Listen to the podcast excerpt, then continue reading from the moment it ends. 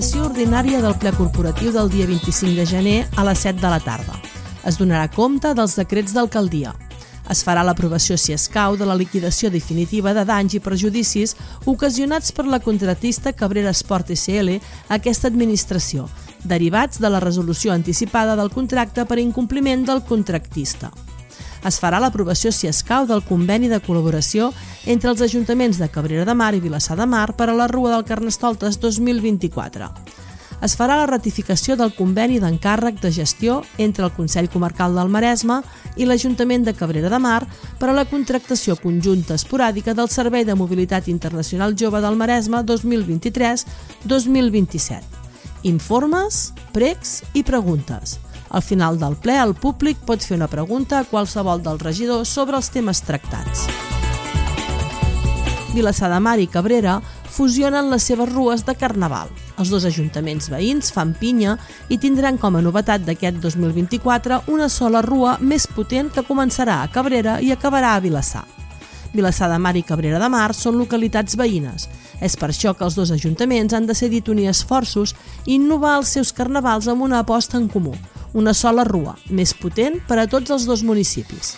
La rua, l'acte més participatiu, serà més potent i reforçada gràcies al fet de compartir-la. Lògicament, passarà per tots dos pobles. La rua començarà a les 6 de la tarda des de Cabrera de Mar i tindrà el següent recorregut. Avinguda Borriac, Passeig de Montserrat i Passeig de Colom de Cabrera de Mar i el carrer Cristòfol Colom, Avinguda Montevideo, carrer Mestral i plaça Terradelles de Vilassar de Mar. Totes les comparses que hi vulguin participar i optar a premi hauran de comptar amb un mínim de 8 components i inscriure's abans de l'1 de febrer al Registre General de l'Ajuntament de Vilassar de Mar. Els premis del concurs de comparsa seran 700 euros, 600 euros, 500 euros, 400 euros i 300 euros a les 5 millor comparses.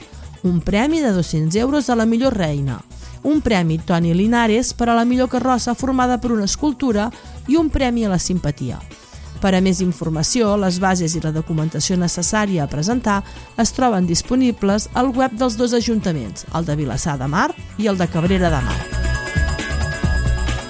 La claca de Cabrera de Mar presenta Harmonitzem el temps. Després de la festa major d'hivern, la claca ens portarà un viatge en el temps a través de la música. L'espectacle es realitzarà el cap de setmana del 27 i 28 de gener a l'embalat municipal. L'inici serà a les 7 de la tarda.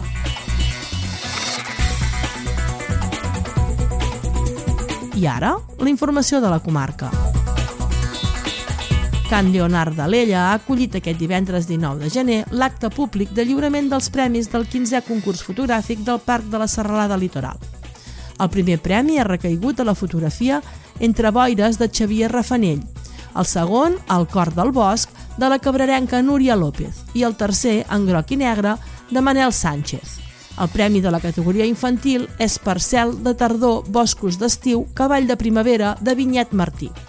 El premi del públic, la fotografia més m'agrada en l'àlbum d'imatges del 15è certamen fotogràfic al Facebook del parc, ha estat per Carolina Paula Deide anomenada El último en dormir que apague la luna, una imatge de la lluna darrere del castell de Borriac. En aquesta quinzena edició s'han presentat un total de 97 fotografies, de les quals han estat admeses 91 i 8 excloses per no reunir els requisits. Enguany s'han editat 3.500 exemplars del calendari amb les fotografies finalistes que es podran recollir a les biblioteques i diferents equipaments dels 15 municipis consorciats. Els Mossos d'Esquadra i la policia local de Mataró van dur a terme un operatiu divendres passat dia 19 a sis establiments als barris de Rocafonda, el Palau i Cerdanyola de Mataró. La majoria d'ells van ser bars que han rebut queixes veïnals per problemes de convivència. La inspecció d'aquests sis establiments va acabar amb l'aixecament de set actes per possessió de drogues confiscades en els registres dels clients d'aquests bars. A banda, la policia també va trobar dues armes, en concret una arma blanca i un objecte perillós, i es va denunciar els seus posseïdors. En total, els agents que van intervenir en el dispositiu van identificar 62 persones, una de les quals va ser detinguda per incomplir la llei d'estrangeria i va passar a disposició del Cos Nacional de Policia que té les competències en aquest àmbit. Uns desconeguts han robat 40 arbustos de marfulls que l'Ajuntament de Palafolls ha plantat a peu de la Nacional al seu pas per Mar Reixac i que formaven part de l'apantallament vegetal que el consistori s'havia compromès a instal·lar per reduir l'impacte visual i acústic del polígon industrial. Aquests arbustos s'havien plantat el dimarts passat al matí i dimecres ja no en quedava cap. En aquest cas no s'han vandalitzat, sinó que s'han sostret sencers des de l'arrel. Els veïns de Mas Reixac feia temps que reclamaven una pantalla verda que ajudi a reduir l'impacte visual i acústic del polígon industrial de Palafolls. Són habituals les queixes de sorolls provinent de les grans empreses del polígon i per això fa més d'un any que es va aprovar aquesta pantalla verda formada per arbres i arbustos. Fins aquí l'informatiu d'avui, dimarts 23 de gener de 2024. Que passeu un bon dia i gràcies per escoltar-nos.